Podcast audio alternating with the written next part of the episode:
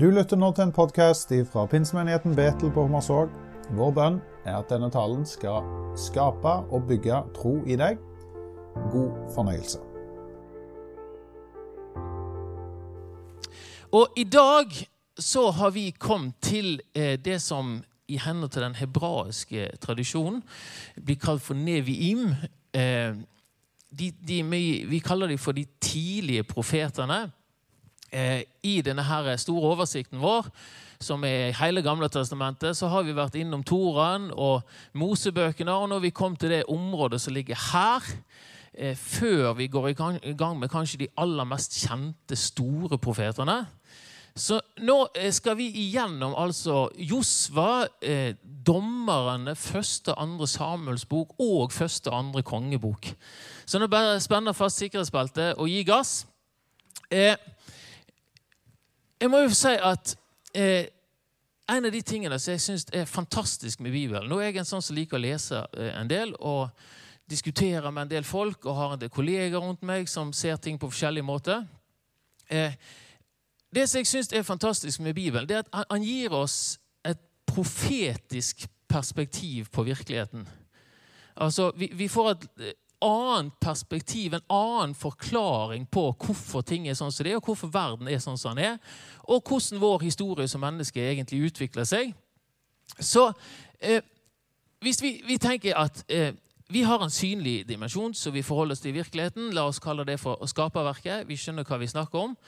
Eh, og På motsatt side så er Bibelen ganske klar på at alt det som foregår der, eller egentlig alt det som vi finner der, det har altså sitt opphav i en usynlig dimensjon.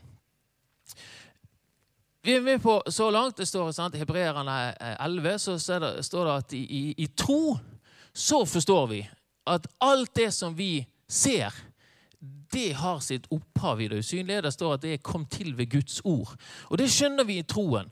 Og det, når jeg har en del eh, og Selvfølgelig her er det Gud eh, opererer, men Gud tråkker jo inn i vår verden. Sant? Mest tydelig når Jesus trår inn i verden, Gud blir menneske, og vi lærer han å kjenne. Men gjennom hele historien så ser vi at Gud har virka inn i vår verden. Og de bibelske bøkene er skrevet ut ifra det. altså Her er det masse som skjer. Og når Gud har virka inn i verden, så kan vi finne noe hvis vi da leser Bibelen, så kan vi finne en del mønster der vi litt, litt skjønner hva er det egentlig som foregår bak kulissene av det vi ser, av det som foregår.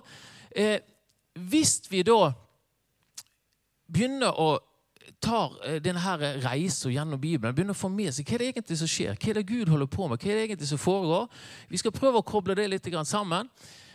Så vil vi begynne å kjenne igjen en del mønster som gjør at vi òg kan se framover. Og jeg vet ikke om dere har tenkt på det, eh, men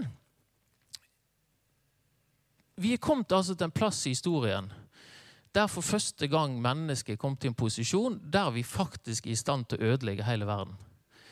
Og, og vi kanskje ikke går og tenker på det til daglig, men hvis vi nå skal hoppe inn i denne her bibelske fortellingen, den store historien, så ser vi at det er der det peker hen. Og det jeg har lyst til å peke litt på, for Når vi forholder oss til det som vi vanligvis forholder oss til på skolen, så er det som utgangspunkt i en sånn naturalisme. At det er bare det som er fysisk virkelig. Det er bare det som fins. Det er det som er utgangspunkt for tankegangen som dominerer samfunnet vårt. Det er liksom bare det fysiske som fins. Det kan vi studere gjennom naturvitenskapen, og så gir det oss liksom kunnskap om virkeligheten. Nei, men det som Bibelen gjør, der han kommer inn og viser at her er det noe mer. Denne eh, Naturalismegjengen de kan ikke forklare sånne ting som godhet og ondskap og eh, moral og etikk. alle disse tingene her. Hva er det som er rett å gjøre, hva er det som er feil å gjøre? Og Det er det som blir tema når vi skal gå inn i disse bøkene. Her, her ser vi at det er noe denne gjengen sliter med. Og Når vi ser det gjennom Bibelen, så ser vi at vi kan få en helt annen helhetlig forståelse av hva som foregår. Fordi at det peker tilbake på Gud. Og når vi skal gå inn i dette her, la meg ta litt grann, Hva er bakgrunnen her? Ok, Vi vet da, og Nå tar jeg en liten runde for at vi skal forstå det som skjer i disse bøkene vi skal gå inn i, i et perspektiv av en sånn helhetlig forståelse. For det som har skjedd er at Vi vet at Gud skapte verden. ok? Så velsigner han mennesket, og denne velsignelsen kommer til å følge oss igjen utover Så velsigner mennesker så sier han bli mange. Dere skal bli et folk. Dere skal bli eh, en gruppe av mennesker som representerer Gud. Ok? Og så setter han dette mennesket til å råde over skaperverket og få ansvar for det. Og så sier Gud at alt er godt. Og Det er det første stikkordet vi skal ta med oss. Da, at Når Gud sier alt er godt, så er det han som definerer hva som er godt. Gud har definert hva som er godt. Og så er det da et spørsmål her, da. For vi ser jo at Gud velger å handle. Han velger å skape, han velger å skape mennesket. Og så gir han mennesket som er skapt i sitt bilde, den samme egenskapen til å velge. Altså Man står fritt til å velge som menneske. Og så blir spørsmålet Velger mennesket å stole på Gud og hans definisjon på hva som er godt, det som dere er tenkt å leve inn i?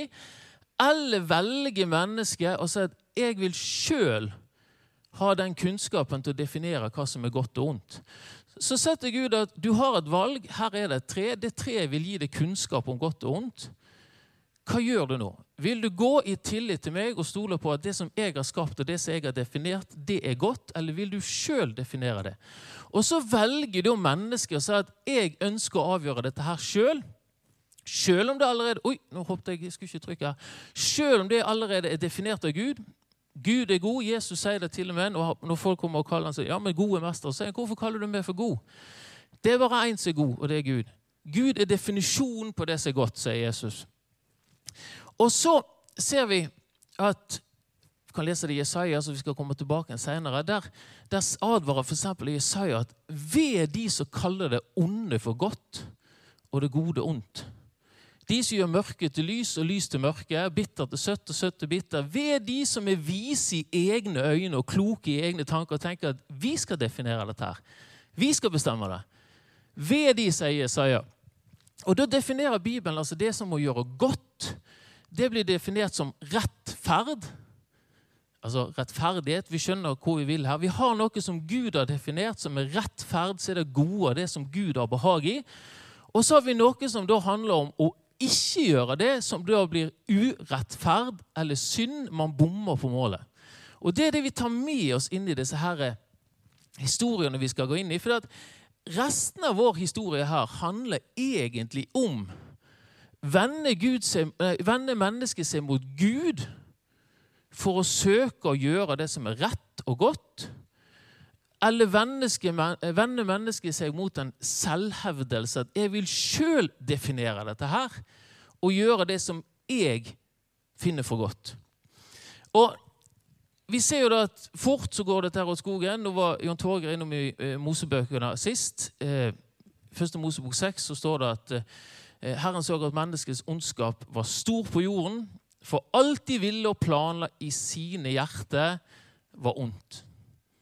Eller selvhevdende. Jeg vil ha mitt på plass. Og klart Når grådigheten tar overhånd, det står, kommer jo Jesus med en del advarsler i Nye testamentet om òg, så blir dette her vanskelige ting. Og vi ser at På en måte så kulminerer dette her for første gang, og denne byen skal komme tilbake igjen i Babel så Vi har hørt om Babels tårn, og så tenker vi på dette tårnet her, men det som egentlig er den verste katastrofen som skjer i Babel, det er at mennesket opphøyer seg sjøl til Gud. Det er egentlig det som skjer. Du har fått den, liksom, den første katastrofen. Vi har gått spiralen nedover, og nå har vi endt en plass at vi vil bygge et navn for oss sjøl, sier mennesket. Det, det, er vi som vil ha ære nå. Så Knut sa her når vi var Gud til ære, oss til gavn. Ja, nå har vi havna på plass at jeg vil ha meg til ære. Ja, hva kommer da til å skje? Hva gavn blir det da? Hva, hva nytte blir det i andre enden? Og det er det som viser seg, da. At det går til skogen. Så ut ifra Kjernen i konflikten vi går inn i her nå, det er da at Gud vil at mennesket skal forvalte skaperverket i godhet. Og mennesket er blitt problemet fordi vi velger det onde. Og da er det jo ganske tydelig, det kommer allerede med når Gud profeterer når slangen der, eh, når slangen kommer og sier at eh, det skal komme en fra menneskeslektet skal knuse slangens hode. Okay, han sier det at løsningen er det må komme et nytt slags menneske. Det må komme et menneske som legger ned sitt eget, og ikke gir etter for det onde. Og det leser jo, sant? Vi kommer frem til Jesus og sier at han holdt ikke sitt eget. står for et røverbytte, vi skal ikke gå inn i det. Men han oppga alt. Han oppga alt sitt eget, han oppga sin posisjon for å bli en tjener, og så var han lydig inntil døden. Så blir Jesus dette nye mennesket. Og der vet vi vi skal handle opp. Så det eh, havner opp til slutt i løpet av vår lange historie. Men det vi ser, da, det er at Gud forblir trofast. Det er det vi, Når vi vandrer utover historien, selv om mennesket svikter, så er det tydelig at Gud lar oss forvalte dette skaperverket inntil vi har forvalta det rett og slett i senk. Og Den retningen den har vi allerede sett. Den kommer, og den kommer til å utvikle seg i den retningen inntil Jesus kommer tilbake og setter foten ned og sier at nå er det slutt, nå skal dere stå til ansvar for det dere har gjort. Så det er den lange linja vi har med oss. Og denne velsignelsen som, som Gud ga til mennesket Vær fruktbare, bli mange. Ga han til Adam og Eva. Vi ser den samme velsignelsen komme til Noah. Den samme velsignelsen kommer til Abraham. Dere skal bli til et stort folk. Det skal komme et folk ut av dette. Det skal komme et nytt menneske. Og Hvis vi vil avsløre hele greia, så står det allerede vel, nå står det litt stille, Filipperbrevet eller Efeserbrevet at før skapelsen, før himmel, før verdens grunnvoll ble lagt, så hadde Gud planlagt denne storfamilien i Kristus. Så det folket det har vært forutsagt fra før skapelsen. Men da er det fantastisk å se på da, at eh, på tross av alt det som vi mennesker klarer å rote det til med, så er Gud trofast. Han fortsetter å jobbe fram dette her folket som skal reise seg. Og vi lærer noe av disse her historiene vi skal gå inn i nå, om hvordan dette her er Guds prosjekt. Og det er fantastisk. Forrige uke så, så hørte vi om hvordan Moses ble reist opp. Og vi ser at, eh, Det er veldig egentlig interessant når du begynner å se på, vi ser opp gjennom historien hvordan Gud hele tida reiser opp mennesker som retter blikket mot Gud, som eh, har evnen til å se at nå er vi på ville veier. Og Vi ser til og med etter, etter bibelhistorien vår slutter, så har Gud reist opp mennesker oppover helt fram til i dag som kaller folk til omvendelse. Nå er vi på vei i, i egen eh, selvhevdelse. Vi må omvende oss til Gud. Vi må sette blikket på det som er godt. Og eh, Det vi lærer av Moses, sant, det er at eh, på samme måte som israelsfolket var slaver under eh, eh, Egypt, regimet i Egypt, så er vi slaver under synden.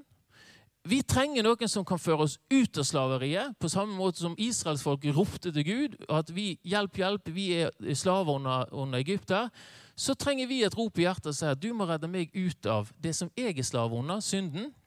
Og vi ser jo da at vi allerede her får et tydelig hint et tydelig hint til israelittene om at Moses, eller loven om du vil, kan ikke føre dere inn i løfteslandet.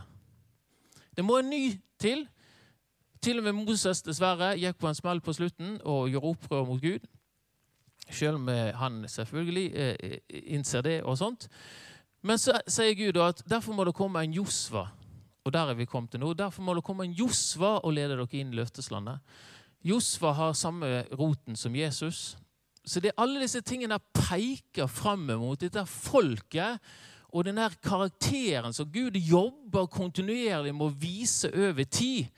At menneskene skal forstå sin tilstand og hvor vi skal ende opp.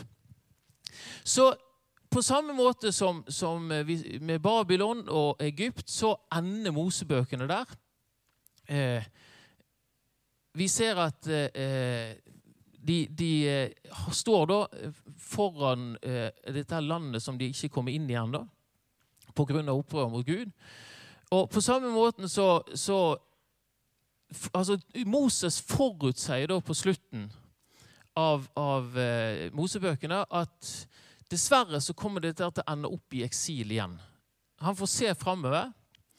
Dessverre så kommer israelsfolket til å fortsette denne karusellen av at man faller, og blir reist opp igjen, og at man faller, og at det kommer til å ende opp igjen i eksil i Babel igjen.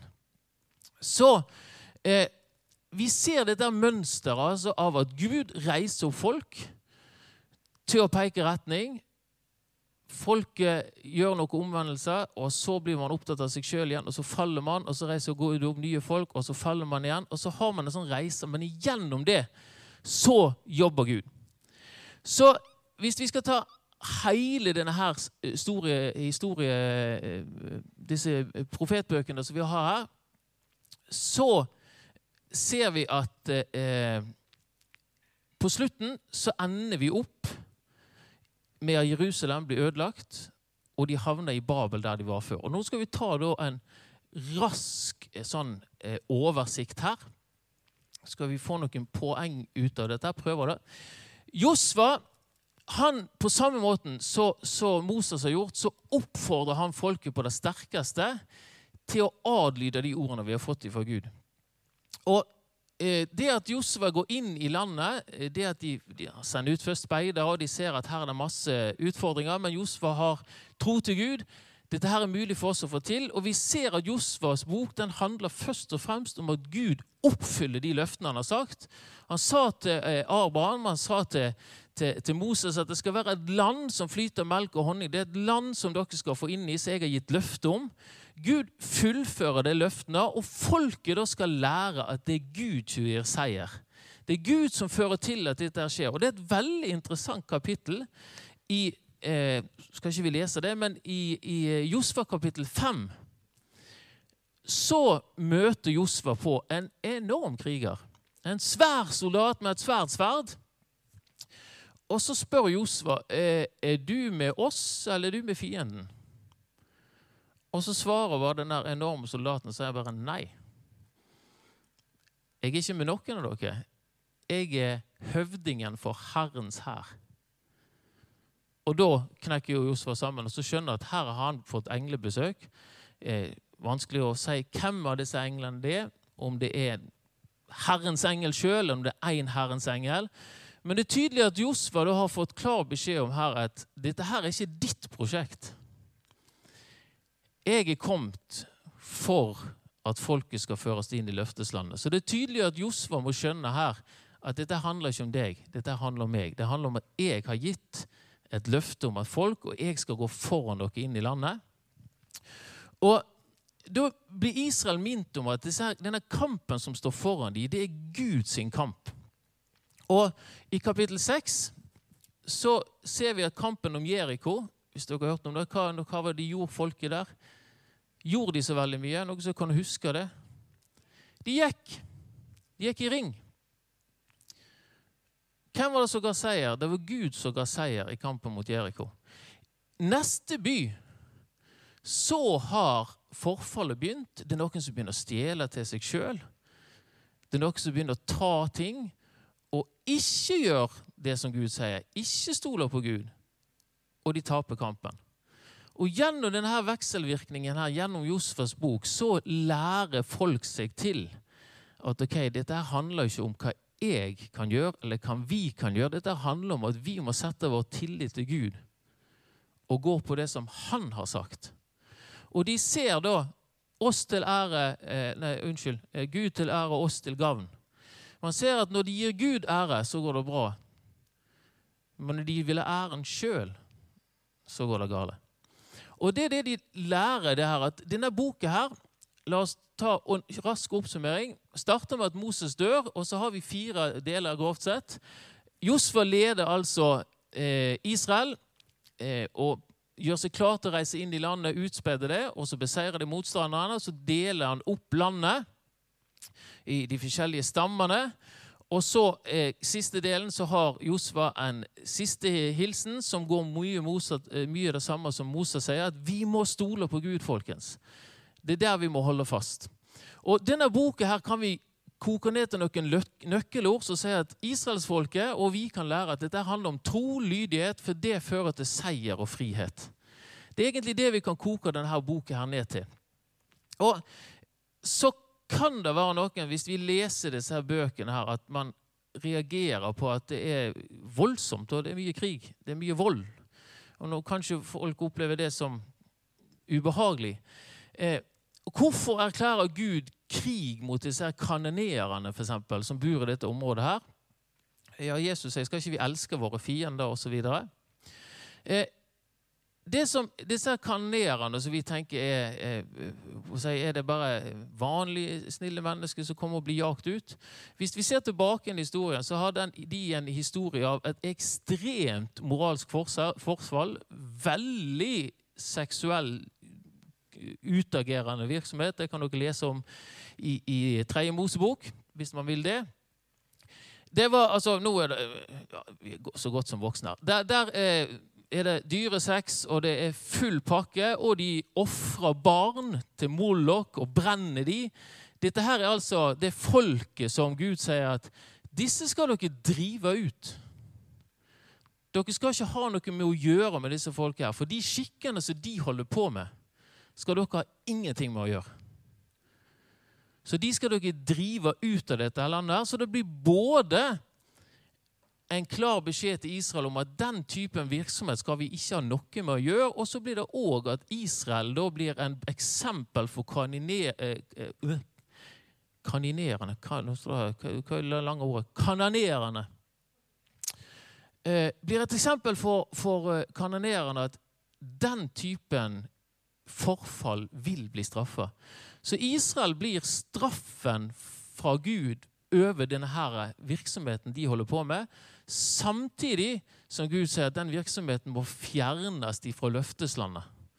Og Vi ser jo peker framover at ok, når vi ser langt fram i løfteslandet Det skal ikke være noen tårer, ingen sorg, ingen synd. Det skal være godhet og mildhet og kjærlighet. Så dette her blir jo eksempel for det som skal komme. Og dommerne, da, når vi kommer over til denne dommerboken, så har de fått oppfordringen av, Mos, eh, av, eh, av Josva at dere må fortsette i det samme løpet. Vi har sett at når vi setter blikket på Gud, når vi på en måte går i tro til Han, så er det det som gjør at vi går fram og vinner seier, eller får etablert dette livet som vi er lovt, eh, med si, overskudd og overflod.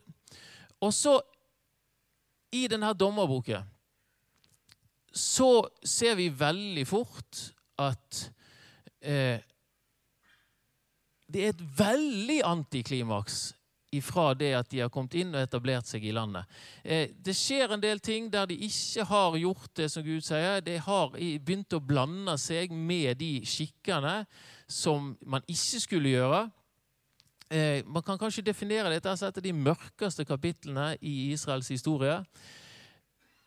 En standard syklus er at ok, israelittene gjør et eller annet. Eh, begynner med avgudsdyrkelse, begynner å rote seg inn i ting som Gud sa tydelig at dette her skal dere ikke ha noe med å gjøre. Det fører til at de havner i en eller annen krisesituasjon. Så roper de til Gud. Gud er trofast. Han utfrir de. Han reiser kanskje opp en ny person som setter de på plass. Og så blir det gode tider. Å, fantastisk. Som gjør at man igjen begynner selvhevdelse. Og så faller man i synd. Og så havner man i nød, og så roper man til Gud. Og så er det en sånn litt jevnt nedovergående spiral som ser at dette her kommer til å ende gale. For folk er mest opptatt av seg sjøl. Kan vi kjenne igjen litt denne her spiralen her?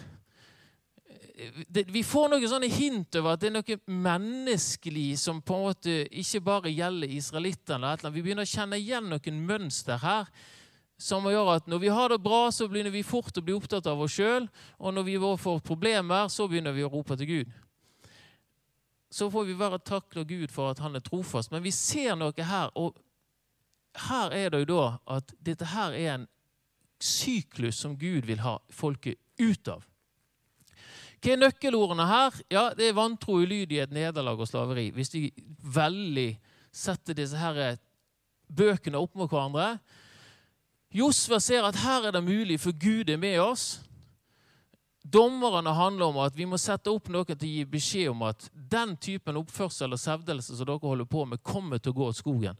Og de gjør det. Eh, denne boka avslutter med i de dager var det ingen konge i Israel. Enhver gjorde det som var rett i egne øyne.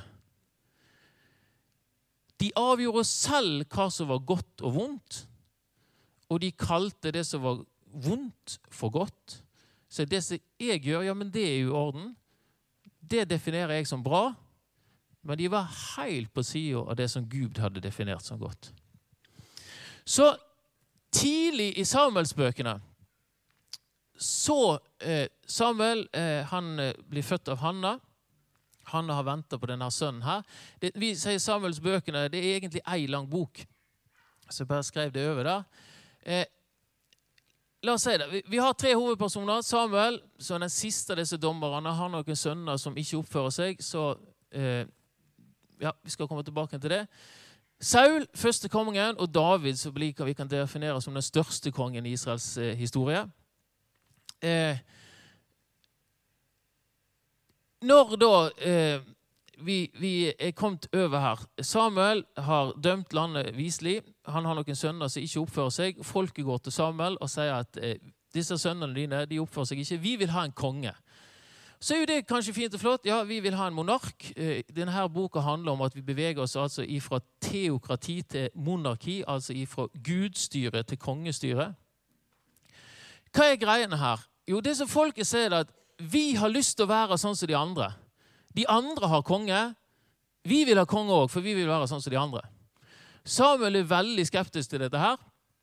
Eh, fordi at nettopp det går på at vi godtar ikke Gud som vår konge, som vi skal sitte vår lit til, som styrer oss og skal beskytte oss og skal på en måte vinne seirene for oss. Vi vil ha et menneske som konge. Og Så sier Gud til Samuel da, når han går i bønn, at ok, altså, han sier rett og slett at det er ikke deg de har forkasta. For Samuel var jo dommer, han var på en måte statsoverhode. Så sier Gud til Samuel at det er ikke deg de har forkasta når de krever en konge, det er meg. De har forkasta meg, og nå skal du advare dem om hva det kommer til å innebære at dere vil velge å sette et menneske til konge over dere. Så kommer Gud med en lang advarsel, eh, som ender opp da med at skal lese det. Nå er vi i 1. Samuel 8. Når den dagen konge kommer, skal de, skrike, eh, skal de skrike høyt over den kongen dere valgte. Gud sier på forhånd at dere kommer til å velge dere en konge, og dette kommer til å bli kjempeproblemer for dere. Så sier dere skal skrike høyt over kongen dere valgte, men Herren skal ikke svare den dagen. Så Gud sier på forhånd dere kommer til å rope i nød til meg for denne kongen dere har valgt, men den dagen kommer jeg ikke til å svare dere. Og folket nekta å høre på Samuel. Nei, sa de. Vi vil ha en konge over oss.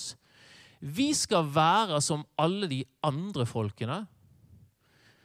Kongen vår skal styre oss. Han skal rykke ut foran oss og føre krigene våre.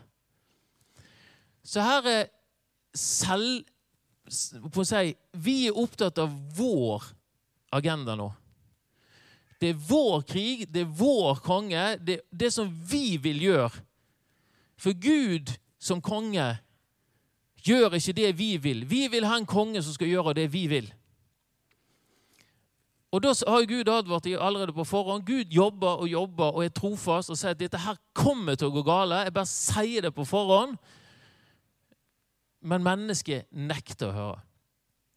Vi velger det som du sier kommer til å gå galt. Så får de Saul. Eh, han var salva med Guds ånd og starta godt. Men etter hvert som tar igjen selvhevdelsen over. Han blir misunnelig. David kommer opp seinere, gjetergutten. Og så blir han, får han ære, og folk sier 'Å, David er bra'. Og Saul blir bitter og misunnelig. Og vi ser at dette her, hva skal du si, sinnet til Saul blir mørkere og mørkere og ender opp med at han tar sitt eget liv. Riktignok var han skada, men tilliten til Gud var fullstendig vekke. Han var bare opptatt av sin egen posisjon. Og Så vet vi at Saul eh, blir forkasta av Gud, og han reiser opp David til en ny konge. Og Vi kjenner jo til eh, eh disse her, eh, sant? David, eh, gjetergutten, som reiser seg mot Goliat. Og ja, men hallo, hva er problemet med han kjempen der? Gud er jo med meg. Så starter ut der, og vi vet at David får en helt spesiell rolle. Og eh, vi vet at vi kjenner David som en mann etter Guds hjerte. Eh, han får samla hele Israel under seg. Der har det vært stamme, Hver eneste stamme har liksom hatt sin funksjon. Nå samler han hele Israel under seg, gjør Jerusalem til hovedstad. Eh, han har lyst til å bygge et tempel der. De får den religiøse gudstjeneste, som Knut var inne på, at de reiste til Jerusalem. Gudstjeneste får sitt hovedsete i, i Jerusalem. Han har lyst til å bygge et tempel der, men nå kommer det igjen. Gud sier nei, du skal ikke bygge tempel, det skal etterkommerne dine gjøre, men jeg skal gjøre deg til et stort hus. Ditt rike skal befestes. Og så begynner igjen Gud å peke på at dette handler om det folket som skal reises opp. Ta tilbake til Gud, hva egentlig dette handler om, og det føyer seg inn i tradisjonen altså fra Adam og Eva, Noah og Abraham at Gud peker framover, og så sier han at fra de slekt skal det komme en konge. Og han skal etablere Guds rike. Så vet vi at denne eh, mannen som ble kjent som mannen etter Guds hjerte, han hadde mye prøvelse. Eh, alt syns å lykkes for han, men så er det det samme problemet igjen. da. Hva skal du si? Han ser en naken dame på hustaket. Og Det virker som det er en sånn gjentagende greie blant disse folkene her. Nakne dame. Jeg spurte Stig her før vi var, og han skjønte at det kunne være et problem. Eh, men vi vet det, altså han ser Batseba som bader på taket og blir begeistra for henne. Og så ser vi at, her, at David òg faller. Eh, sønnene hans gjør opprør mot David. Eh, han ene havner ute i en sexskandale med søstre. Det, er en, det, er ikke en, stolt avslutning på Davids liv, men David har det med seg at hver gang profeten Nathan kommer og sier at det er du som er problemet, så omvender han seg. Og Det er nok der nøkkelen i at mannen etter Guds hjerte det er at han ikke, når han blir på en måte pekt på hva som er problemet, så blir han nedbrutt, så angrer han, og så ber han om tilgivelse. Men vi ser at til og med David får det store konsekvenser for at han ikke klarer å holde den om du vil standarden, at han søker det som har gått. Han søker sitt eget. Så disse sammensbøkene de, de gir oss hva skal du si, framvisning av noen personkarakteristikker. Da. Og utfordrer oss til å undersøke oss sjøl. Har vi ting, eh, karakterbrister, et eller annet som gjør at vi ser Saul falle. Han, han vil ha ære, han vil ha oppmerksomheten sjøl. Han blir misunnelig på David. Han blir misunnelig på han andre som kommer opp. Eh, disse her karakterene som vi møter her, vi ser at de svikter, og de utfordrer oss til å sette et lys på oss sjøl òg. Eh, men disse her eh, Samuelsbøkene altså de peker òg videre framover mot den kongen som skal komme der framme. Når vi kommer til kongebøkene, så er vi litt sånn som vi var i Dommerne. Vi ender i en sånn der Ragnarok igjen. Det er ca. 400 år med historie. Eh, etter David dør, eh, eller han setter inn Salomo først, og så dør han Vi kjenner Salomo som den vise kong Salomo. Eh, noen som vet hvor mange damer Salomo hadde? Tusen damer, ja. Eh, vi, vi, aner et mønster. Nei. Men det er litt av samme greiene. Da, Salomo gjorde en masse sånn taktiske og politiske ekteskap. Han gifta seg med dattera til farao og en masse andre hedningefolkeslag. Akkurat de tingene som Gud har sagt. Det skal du ikke gjøre. Han ville bygge da, politiske allianser for å sikre sin posisjon. Han blir styrtrik. Han eh, starter veldig bra. Han ber Gud om en spesiell visdom. Det får han. Eh, det går veldig bra i starten, men det er det disse her damene da, som gjør at når han da begynner å bli litt sånn utpå, har bygd alt, holdt på og styrt og bygd opp sin egen greie, så står det at han svikter Gud i sitt hjerte. Han blir da begynner å følge de religionene og de tankegodsene han har fått med gjennom disse her damene han har gifta seg med, og der han da ender opp med å begynne i i eh, avgudsdyrkelse. og Det står i første kongebok 11 hans hjerte var ikke lenger helt med Herren hans Gud. Slik hans far Davids hjerte hadde vært. Så Samuel fulgte diverse avguder. Eh, og da står det at eh, Når vi ser på Jeg skal avslutte her nå, for nå ser jeg tida går fort. I kapittel 17 i andre kongebok så er det det som på en måte blir Det vi ender opp med her, det er nettopp det som står med, med Salomo, at hans hjerte var ikke helt med Gud.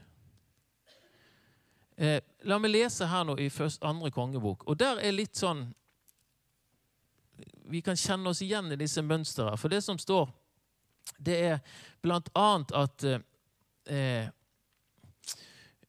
De Skal jeg se om jeg finner Her har vi det. Eh, disse folkeslagene Nå snakker vi om, altså, nå er vi i, i eh, folkene som var i Israel i den tida her. Disse folkeslagene frykter Herren, men likevel dyrker de sine utskårne gudebilder. Så de hadde, som det står, et skinn av gudsfrykt, men de fulgte sine egne hjerter for å sikre seg. Og det som Hvis du skulle bla tilbake her, kapittel 17 i andre kongebok, så står det at Her ender vi opp med at eh, eh Jerusalem faller. Eh, blir tatt av asyrerne, de blir bortført til Babel, og senere så forfall, eh, eh, Nei, unnskyld, Nordriket faller først, og så forfaller eh, Jerusalem etterpå. Riket har blitt delt her nå. Men det står at de hadde vandret etter skikkene til hedningefolkene som Herren, hadde drevet bort for Israels ansikt, og etter skikkene kongen i Israel selv hadde lagt. Så det som det står at Israelsfolket var kommet på en plass der de vandret etter de skikkene som de sjøl hadde lagt. Og hvis vi, ser, liksom, hvis vi sammenligner med vårt moderne land her, da, så er advarselen fra Gud det er Hva setter du som standard for når du skal avgjøre hva som er godt å gjøre? Vandrer du etter de skikkene dere sjøl har lagt, eller vandrer dere etter de skikkene som jeg har definert som gode? Og Det er den utfordringen jeg har lyst til å overlate oss med, for at har gått veldig fort. Det står at de forkasta hans forskrift og hans pakt. De fulgte sjøl det som de ville følge, og de ble sjøl tomme, og de fulgte etter hedningefolkene som bodde rundt dem. Men det ble altså blitt la oss kalle det for å påvirke den kulturen man lever i. Og det er det som blir, eh, Jeg skal avslutte med det. Det er det jeg ender opp med her til slutt for oss. Eh, disse bøkene her viser Der kommer den advarselen som var i kapittel 17 her. Denne bøkene her viser at vi skal I, i Nytestamentet så står det at den som står, må se til at han ikke faller. I hvilken grad lar vi kulturen rundt oss få definere hva som er godt? Og i hvilken grad vender vi oss til Gud for å søke det som han har definert som godt, og lar det styre. Og Kulturene her viser jo at vi, vi, kan uh, tenke at ja, men dette her fikser vi bare, bare. Men disse her bøkene her viser at kulturen vi lever i, har mye større betydning eller påvirkning på oss enn vi kanskje håper og tror. For sjøl konger som var salva med Guds ånd, og hadde fått visdom ifra Gud, faller når man lar sine egne ambisjoner, sin eget begjær, få ta å komme i førersetet. Så kjære Gud, jeg vil takke deg for at du har gitt oss informasjon gjennom Bibelen som gjør at vi kan forstå verden ut ifra ditt perspektiv. Vi vet at det er du som definerer hva er det som er rett og godt. Det er du som definerer hva er det som er kjærlighet. Det er du som får definere hva som er ondt. Jeg ber om at du må hjelpe oss alle sammen, der vi lever i en tid eh, der vi ser at ikke bare eh, kulturen rundt oss eh, nødvendigvis prøver å eh, gjøre det som er godt, men prøver å definere godt sjøl.